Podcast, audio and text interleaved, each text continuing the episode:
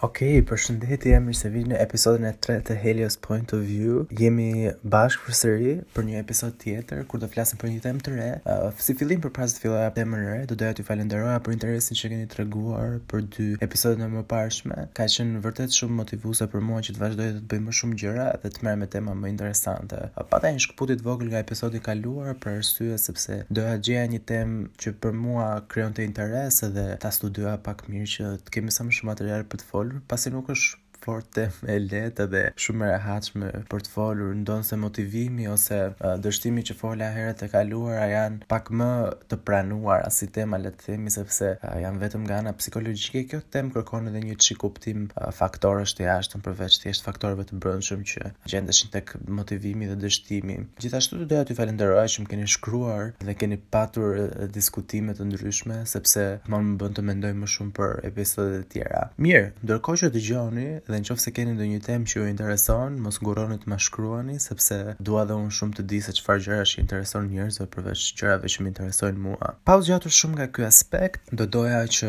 menjëherë t'ju fusja në temën që do flasim sot, e cila është marrëdhënie toksike. Nuk është fort temë e rehatshme për të folur, pasi marrëdhëniet toksike janë kthyer kështu si fjalë kyçe e momentit, marrëdhënie toksike, je bërë toksik, jam bërë toksik, gjëra të tilla. Mirëpo nuk është se shumë herë ulemi ta diskutojmë se çfarë janë marrëdhëniet toksike. Edhe duke qenë se në këtë podcast ne flasim për gjëra që nuk është se janë fort të rehatshme, por Të gjithë i kalojmë në jetën tonë, mendova se dhe kjo është diçka për të cilën duhet të flisnim. Mirë, marrëdhënie toksike. Ajo që dua të them para se ta filloj këtë është që marrëdhëniet janë gjëja që na rrethon më shumë në jetën tonë të përditshme. Janë marrëdhëniet me njerëzit, marrëdhëniet me mbase edhe me teknologjinë, marrëdhënie të çdo lloj natyre. Jemi Gjithë kohën në bashkëveprim me diçka tjetër. Mund të jemi në bashkëveprim me një objekt, mund të jemi në bashkëveprim me një person, gjithsesi ne krijojmë një marrëdhënie me çdo lloj gjëje në të cilën ndodhemi. Për shembull me celularin ne mund të krijojmë një marrëdhënie toksike, në qoftë se nuk dimë ta menaxhojmë mirë. Por uh, për këtë episod më shumë normalisht do fokusohem te njerëzit sepse ajo krijon interes më të madh. Çfarë do diskutojmë është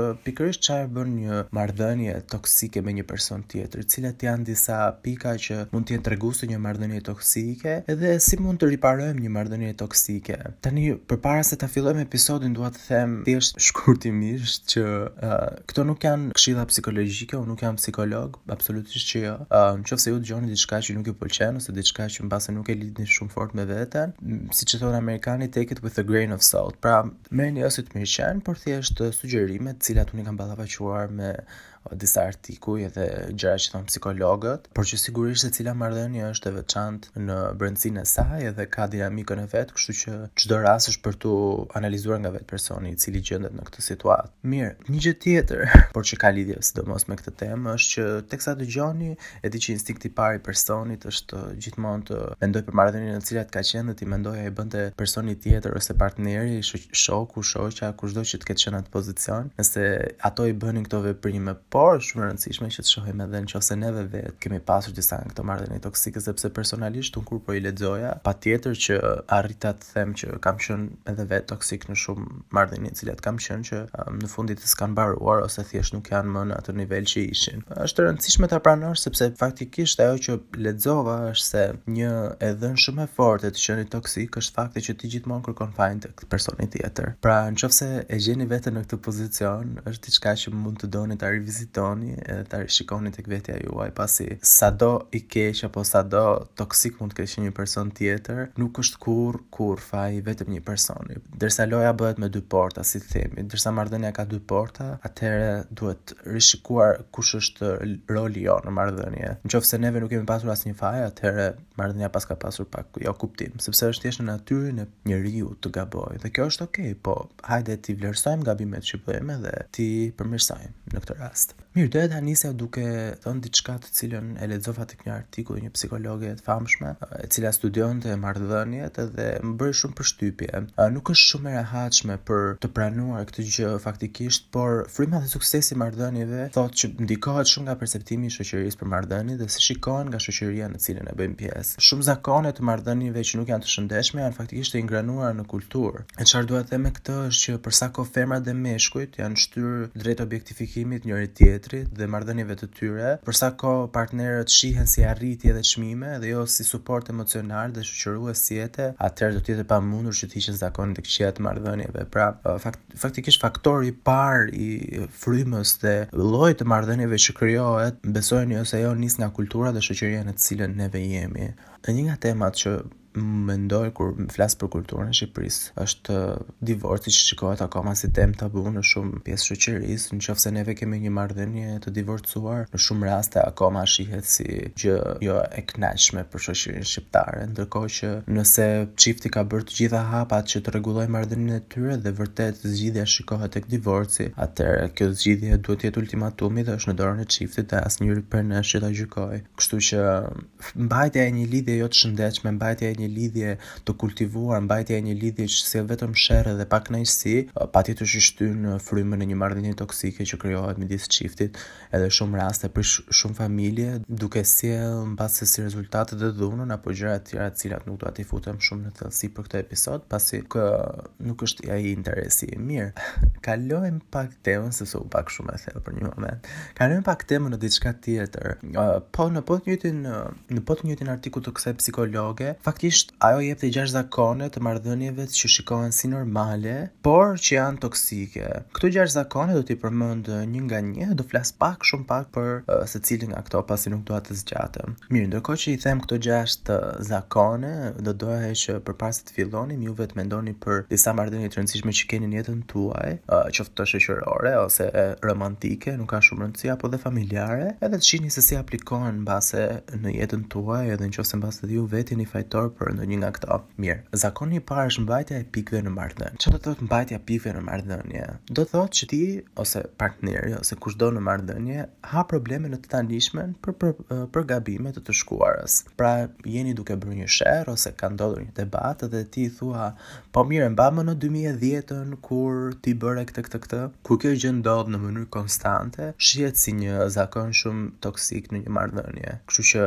nëse në marrëdhënien tuaj kjo ndodh, është diçka për t'u rivizituar. Zakoni i dytë është të lësh diçka të kuptohet, por mos ta thuash në mënyrë të drejtpërdrejtë, ose në anglisht passive aggressive. Për këtë jam diçka që kam shumë vetë fajtor në shumë marrëdhënie, mbase e folura tepër sarkastike, folura me kunja ose diçka e tillë, nëse bëhet në mënyrë shumë konstante dhe nëse mungon sinqeriteti dhe të qenit drejtpërdrejt në marrëdhënie, fakti që ti nuk i thua diçka siç është, por e lë të nënkuptohet, mund të kthehet në një Zakon toksik në një marrëdhënie pasi ti asnjëherë nuk i thua partnerit atë që mendon, por ia lë gjithmonë topin në portën e tij ose të saj, duke pritur që ok, ti ta kuptosh si ta kuptosh, por unë e kam thënë në një lloj mënyre, kështu që bën mirë ta kuptosh në mënyrën që e kam thënë unë.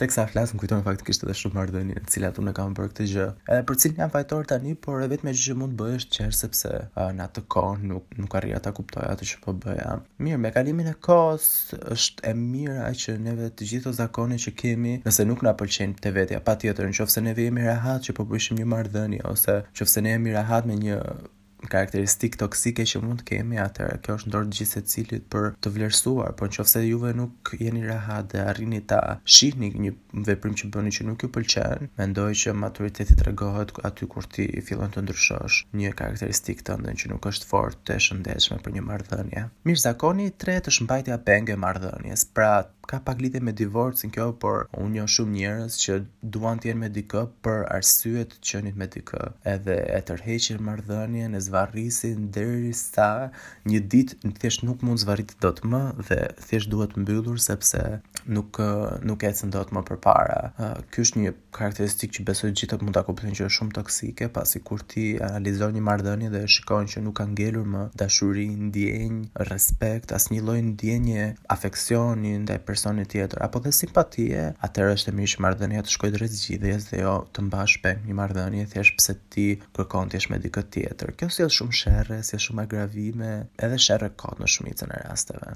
Në pikën e katërt është të vësh faj partnerit për mënyrën se si ti ndihesh. Edhe kjo është një gjë të cilën e kam bërë vetë. është mund të jetë shumë e keqe faktikisht sepse e kupton ndonjëherë që Ajo për cilën ti po qorton personin që ke në krah, nuk është faji atyre, por është faji jot. Edhe kjo mund të jetë ndonjëherë gjëja më e vështirë për të rregulluar, për të rregulluar po, sepse t'i thuash vetes që ok, këtë radhë veprova gabim. Është shumë e fortë. Edhe faktikisht diçka që kam gjetur në lidhje me këtë është një shprehje nga Jim Rohn, të cilën do ta lexoj. Është në anglisht këtu përpara meje, po do jua them direkt në shqip sepse më pëlqen shumë si shprehje. Atëherë, Atëherë Jim Rohn thotë, Kur thoja, Nëse ti kujdesesh për mua, unë do kujdesem për ty. Tani them, Unë do kujdesem për veten, për ty, nëse ti kujdesesh për veten, për mua. Pra, ka lidhje me këtë të vënit faj të partnerit për mënyrën se si ndihesh, sepse pavarësisht se jemi në marrëdhënie, janë disa gjëra që neve kemi nevojë t'i bëjmë individualisht, siç janë kontrollimi i ndjenjave dhe kontrollimi i mirëqenies tonë. pasi nëse ti nuk je mirë, edhe marrëdhënia nuk do jetë mirë. Por është e rëndësishme që fajin mos ia vëmë personit tjetër për një gjë që cila nuk po ecën mirë në jetën tonë, për x ose y arsye që në fund të ditës janë tona dhe jo të personit me cilin neve po ndajmë një marrëdhënie. Mirë, zakoni i pestë është faktikisht një shumë i lehtë që mendoj që të gjithë juve mund ta keni menduar, e cili është xhelozia. Tani dua të ndalem pak te xhelozia, pasi psikologia nuk thotë që xhelozia nuk duhet fare. Pak xhelozi është e shëndetshme për çdo marrëdhënie, pasi mban edhe interesin e ngritur edhe për jetëgjatësinë e një marrëdhënie duhet nga pak xhelozi. Mbase jo xhelozi, por kuriozitet për jetën e një personi tjetër. Tani xhelozia e shëndetshme ka shumë ndryshim nga dua të shof mesazhet, mosbesimi etj etj. Xhelozia e tepruar faktikisht tregon shenja shumë të theksuara të mungesës besimit në marrëdhënie dhe Nëse ka mungesë besimi në marrëdhënie, atëherë është treguesi i parë që kjo marrëdhënie ka probleme të thella dhe që nga këtu duhet filluar shikimi, pasi në opinionin tim besimi është gjëja më e rëndësishme e një marrëdhënie. Në qoftë se ti ndihesh rehat me një person, është në shumicën e kohës edhe prej besimit që ti ke tek ai person.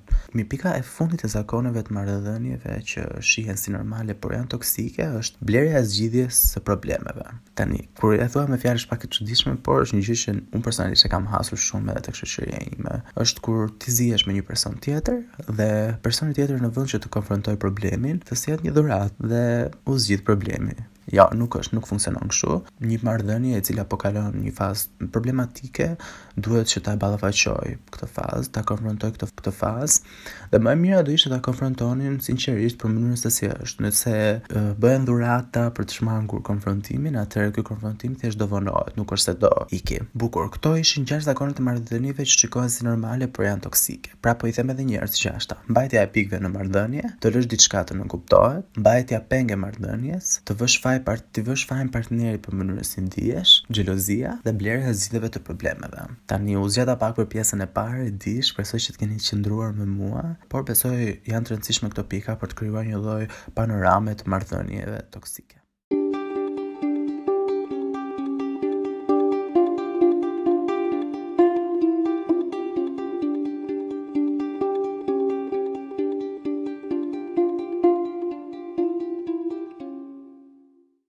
Mirë, jemi në pjesën e dytë të Helios POV, edhe sapo folëm për gjashtë treguesit ose zakonet që shihen si normale, por janë faktikisht tregues të një marrëdhënie toksike.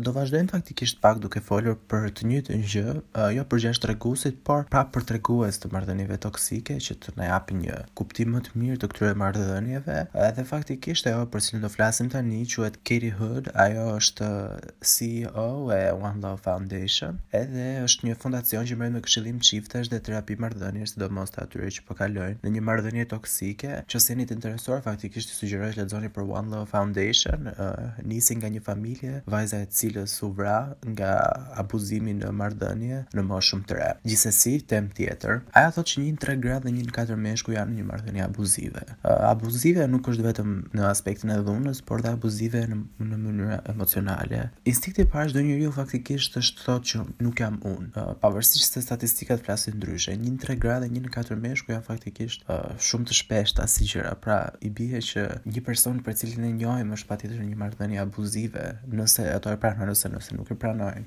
Ana na ofron neve pesë shenja për të kuptuar më shumë marrëdhëniet në të cilat neve jemi dhe atë çfarë ndan një marrëdhënie të shëndetshme nga një marrëdhënie jo të shëndetshme. Shenja e parë që thotë është intensiteti. Kjo tregon mënyrën se si nis një marrëdhënie dhe në thonjza sasinë e një marrëdhënie. Sa shumë nga kjo marrëdhënie jemi neve të përfshirë edhe sa nga koha jonë merr. A jemi rehat me hapësirën që kemi në një marrëdhënie dhe a është mbytëse kjo marrëdhënie? Pra në qoftë se kjo marrëdhënie që ne kemi me një person, qoftë shoqërore ose romantike, në qoftë se neve po na merr shumë kohë, në qoftë se neve po na duket sikur po na mbyt, atëherë nuk është fort e shëndetshme. Pra intensiteti është një gjë shumë e rëndësishme për t'u menduar kur flasim për marrëdhënie toksike. E dyta është izolimi. Siç dimë, çdo marrëdhënie nis me shumë intensitet, sidomos një marrëdhënie e re.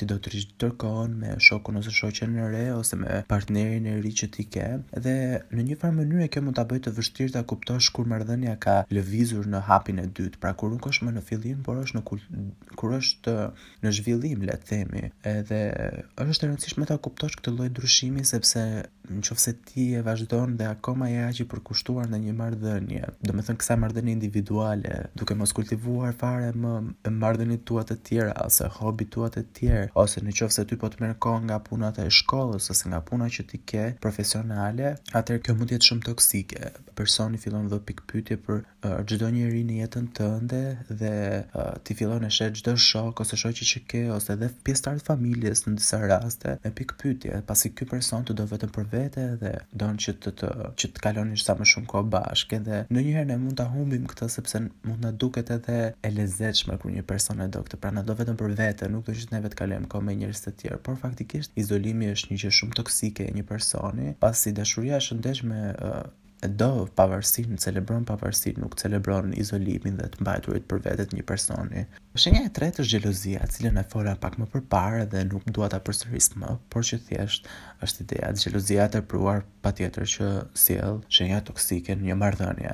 Shenja e katërt është ulja e figurës ose nënçmimi i një personi. Tani nuk gjeta dot fjalë më të mirë, në anglisht është belittling, nëse ju krijon një panoramë ose imazh më të mirë në mendjen tuaj. Nënçmimi është shumë problematik në një marrëdhënie, kur ti ndan një marrëdhënie me dikë dhe ai person tërë kohën ul imazhin tënd, ul atë që je, atë bëhet pak problematike dhe bëhet shumë toksike për një marrëdhënie. Qoftë se ti i thua shokut ose shoqes ose partnerit ose partneres për shembull, nuk vi dot, kam për të mësuar për një provim dhe përgjigja që ato të japin është që hajde më se ti do ngelësh, Kjo lloj përgjigje nuk është fort e këndshme edhe patjetër që është shenjë toksiciteti në një marrëdhënie, sidomos kur kjo është e dyanshme dhe bëhet nga të dyja anët mund të jetë shumë më e dëmshme për marrëdhënien. Shenja e pestë është paqëndrueshmëria. Paqëndrueshmëria është kur një marrëdhënie ka ndarje shumë të shpeshta dhe bashkime shumë të shpeshta, por asnjëherë një periudhë shumë të gjatë me njëri tjetrin. Në anglisht do të thohej high highs ose low lows. Kështu që kur janë sherrat që bëhen me njëri tjetrin shumë shpesh, një javë bashkë, tre javë jo bashkë. Këto lloj gjërash tregojnë drejt një marrëdhënie që nuk është fort e shëndetshme. Tani ajo cilën juve mund të pyesni shumë mirë është si ta riparojmë një marrëdhënie të tillë. Edhe faktikisht nuk është e vështirë të riparosh një marrëdhënie të tillë. Komunikimi i hapur, sinqeriteti, respekti, durimi, mirësjellja janë faktikisht të gjitha tregues që neve mund t'i kultivojmë dita ditës dhe Patjetër që nuk do të na bëjnë perfekt, sepse të gjithë nga ne jemi programuar të gabojmë në jetën tonë dhe nuk ka asgjë gabim me këtë. Por ideja është duke kultivuar këto lloj karakteristikash si komunikimi i hapur, sinqeriteti, respekti, që janë gjëra shumë të thjeshta, por realisht i mungojnë shumë marrëdhënieve, neve krijojmë një marrëdhënie më të shëndetshme për veten tonë. Unë sidomos do vija shumë peshë te komunikimi i hapur, pasi edhe në marrëdhëniet e mia, edhe në marrëdhënie me shumë njerëz, shoh një mungesë komunikimi. Këto janë disa nga shenjat të bashkuara të gjashtat e parat me pestë këto të dytat që thashë që mund t'i ngjasojnë shumë njëra tjetrës, por që uh, kanë dalë si si pasojë e studimeve dhe kërkimeve që kanë bërë psikologë ose guru marrëdhëniesh që studiojnë pikërisht marrëdhëniet midis njerëzve dhe çfarë bën një marrëdhënie të shëndetshme dhe jo të shëndetshme. Pastaj mendoj që çdo njeri nga jeta jonë personale mund të nxjerrë shembuj të tjerë edhe pika të tjera se çfarë e bën një marrëdhënie toksike ose jo, po unë personalisht mendoj që një marrëdhënie mund të kthehet toksike edhe kur ti fillon dhe kthehesh në psikologun ose thjesht në shpatullën e dikujt tjetër, gjë të cilën e lexova edhe në disa portale të ndryshme, por që sidomos në moshën tonë dhe për gjërat të cilat ne kalojmë, mendoj se gjithsecili ka problemet dhe vuajtjet e veta që kalon në jetë dhe kur ti je në një marrë në marrëdhënie me dikë tjetër dhe dëgjon vetëm Hallet dhe problemet e atij personi nuk të jep hapësirë ty për të marrë frymë dhe mbase edhe ti të ndash ato të cilat ti po kalon në jetën tënde, atëherë ky person nuk ka nevojë për një shok ose shoqe ose të dashur, por ka nevojë për një psikolog dhe mendoj që është shumë ok dhe shumë e shëndetshme që në këtë marrëdhënie ti të tregohesh i sinqertë dhe thuash, shiko, të kuptoj, të dëgjoj, më vjen shumë keq për atë që ti po kalon, por unë nuk të ndihmoj dot. Është shumë e shëndetshme që ti të arrish të distancohesh nga kjo lloj gjendje dhe është po ashtu e shëndetshme që ti ta pranosh këtë gjë. Ti nuk je psikologu i dikujt tjetër dhe me gjithë dashamirësinë që ti mund të kesh ndaj një personi ose dashurinë që mund të kesh ndaj atij personi, nuk është barra jote për të mbajtur kjo lloj gjëje. Në vrazhdën e kësaj këtij diskutimi, një gjë shumë toksike tjetër e një personi mund të jetë negativiteti. Për mua personalisht negativiteti i një personi është gjë e cila më sjell shumë acarim edhe nervozizëm në personalitetin tim, pasi vetë jam person optimist ose pozitiv edhe dua t'i shof edhe gjërat në mënyrën se si e bëj gjënë, dua ta marr me pozitivitet, kurrë me negativitet dhe një person që frymën e parë e ka negative ose shef një gjë dhe thotë direkt gjënë e keqe, atëherë kjo mund të jetë një gjë shumë toksike dhe prap shkon te ajo që komunikimi i hapur mund të ndihmojë në të dyja këto hallkat që unë kam thënë, por që kërkon maturitet dhe pjekuri nga ana e të dyve. Shumë herë njerëzit mund ta marrin personale diçka që ti ia thua dhe nëse është për uh, shërimin e marrëdhënies midis ju të dysh. Nuk është fort e rehatshme si temë për t'u kultivuar me një person, t'i vësh në dukje ose të vësh në dukje uh, gjërat që ty të bëjnë toksik në një marrëdhënie. Por pranimi i këtyre gjërave realisht që neve na mund të na bëjë më të lumtur edhe në fund të ditës të rregullojë shumë marrëdhënie që neve kemi në jetën tonë, që nuk kanë pse të humbin thjesht sepse neve nuk dinim të të kuptonim se ku qëndronte problemi apo ku uh, ishin hallkat që duheshin rregulluar në këtë marrëdhënie. Mirë, jemi në pjesën e tretë dhe të fundit të Helios POV, Helios Point of View. Kjo është pjesa ku unë flas pak nga ana personale, me një këshillë ose eksperiencë personale të jetuar timen. Faktikisht nuk dua ta zgjas shumë këtë pjesë, duke qenë se pjesët e para ishin pak të gjata, për të mos dashur t'ju rëndoj akoma më shumë në një temë që, siç e thashë disa herë gjatë kësaj gjëje, nuk është shumë e rehatshme apo shumë e lehtë për të folur e sidomos kur pranojmë tek vetja jonë ndonjë gjë të pashëndetshme që ne mund të kemi. Më ka bërë përshtypje diçka edhe që e kam dëgjuar edhe nga psikologët të cila lexova. Si njerëz që jemi neve faktikisht e ndjejmë dashurinë si një nga ndjenjat primare të jetës tonë. Mbase jo dashuri në formën romantike gjithmonë, por patjetër dashuri ndaj një shoku shoqe, dashuri familjare, dashuri mbase edhe në një formë tjetër që nuk po e mendoj tani. Edhe pse dashuria zë kaq shumë vend në jetët tona, kurrë nuk na mësojnë se si të duam. Ajo që dua të them është jo të kontrollojmë ndjenjat tona, por realisht të kontrollojmë mënyrën se si duam një person. Pasi dhe kjo është një shprehje e vjedhur, nuk po e them unë se është e bukur dhe nuk dua të më merret për origjinale. Të duash është instinktive, por të duash mirë është e mësuar. Mendoj që ka nevojë për një lloj ballafaqimi qoftë në shkollë, qoftë në një platformë tjetër të diskutimit të marrëdhënieve, ose të dashurisë, pra si të duash një person mirë, si ta kuptosh kur mënyra se si ti do një person është e dhunshme dhe jo e shëndetshme. Mendoj që ky është një diskutim që duhet ta bëjmë shumë, sepse marrëdhëniet janë vërtet kaq të rëndësishme në jetën tonë, edhe shumë herë ne humbim marrëdhënie për gjëra që mund t'i kontrollojmë, gjëra që ne mund t'i shqyrtojmë, t'i piketojmë dhe t'i rregullojmë te vetja jonë, jo te vetja jonë, po edhe te marrëdhënia te personi tjetër. Janë disa gjëra që neve duke i diskutuar dhe duke i piketuar me njëri-tjetrin, mund vërtet ta shpëtojmë një marrëdhënie nga përfundimi. Po ajo që nuk kuptoj është pse nuk flitet më shumë për marrëdhëniet toksike dhe marrëdhëniet në përgjithësi. Pse nuk flitet më shumë për mënyrën se si një person mund të dojë një person tjetër dhe kjo dashuri mos jetë toksike por e shëndetshme. Mendoj që gjithë këto gjëra janë gjëra që ia vlen të diskutohen në shoqëri edhe që nuk diskutohen mjaftueshëm sipas mendimit tim. Kur kam qenë në shkollë faktikisht kemi pasur një terapiste në universitet dhe ishte terapistja e universitetit ku çdo njeri mund të shkonte dhe një diskutim që pata me të Ishte për thyerjen e një marrëdhënie që kisha atëherë. Dhe ajo më dha një mësim shumë të bukur. Më foli për ndryshimin midis qëllimit dhe ndikimit, ose efektit. Çfarë donte të thonte ajo atëherë ishte që ne, kur neve themi një gjë, e themi me një qëllim të caktuar. Pra kur unë them diçka, mund të jetë një gjë e pavetëdijshme që unë nuk e kam me qëllim të keq. Por efekti i gjësë të cilës unë kam thënë është si e merr personi tjetër. Nëse diçka që unë them ndikon negativisht një person, atëherë në një marrëdhënie ku respekti është i dyanshëm, nuk ka shumë rëndësi qëllimi me të cilin unë e kam thënë një gjë. Patjetër, ka rëndësi për karakterin tim dhe për moralin dhe vlerat e mia, por nëse ndikimi i diçkaje që unë kam thënë ka qenë negativ tek një person tjetër, është e rëndësishme që mos i vëmë fort peshë qëllimit të cilin neve kishim, pasi të bësh diçka të tillë është egoiste. Edhe një, kërkon shumë maturitet kjo gjë, kërkon shumë pjekuri te një person, por vërtet, vërtet, në qofë se neve e duam një person, në qofë se neve e vlerësojmë, atëherë do respektojmë dhe ndjenjat dhe mënyrat si ai person i merr gjërat. Kështu që nëse do jepja një këshillë, do ishte kjo. Mendoni dhe për ndikimin e fjalës ose një fjalie që juve thoni, jo vetëm për qëllimin me të cilin juve e keni thënë.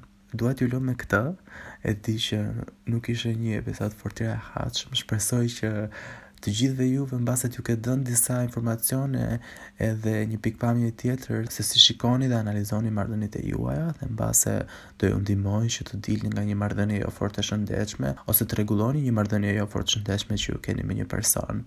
Mirë unë kaq kisha për sot. Patjetër që është një temë me të cilën mund të thoja shumë më shumë edhe faktikisht kisha rreth gjashtë faqe informacione me të cilat planifikoja të flisja, por uh, m'u desh t'i kondensoja në më pak informacione. Shpresoj që të gjithë juve ta keni gjetur veten sadopak në këtë episod e t'ju jetë dukur interesant. Unë ju falenderoj që qëndruat me mua edhe një herë siç thashë në fillim, nëse keni ndonjë temë ose ndonjë gjë të cilën juve ju duket interesante ose uh, do donit që ta kultivonim në këtë Podcast, ju lutem shkruani në Helio Pikë Qendra dhe duke ju uruar gjithë të mirat, qëndroni të sigurt. Ju përshëndes dhe ju lë takim në episodin e 4 të Helios POV.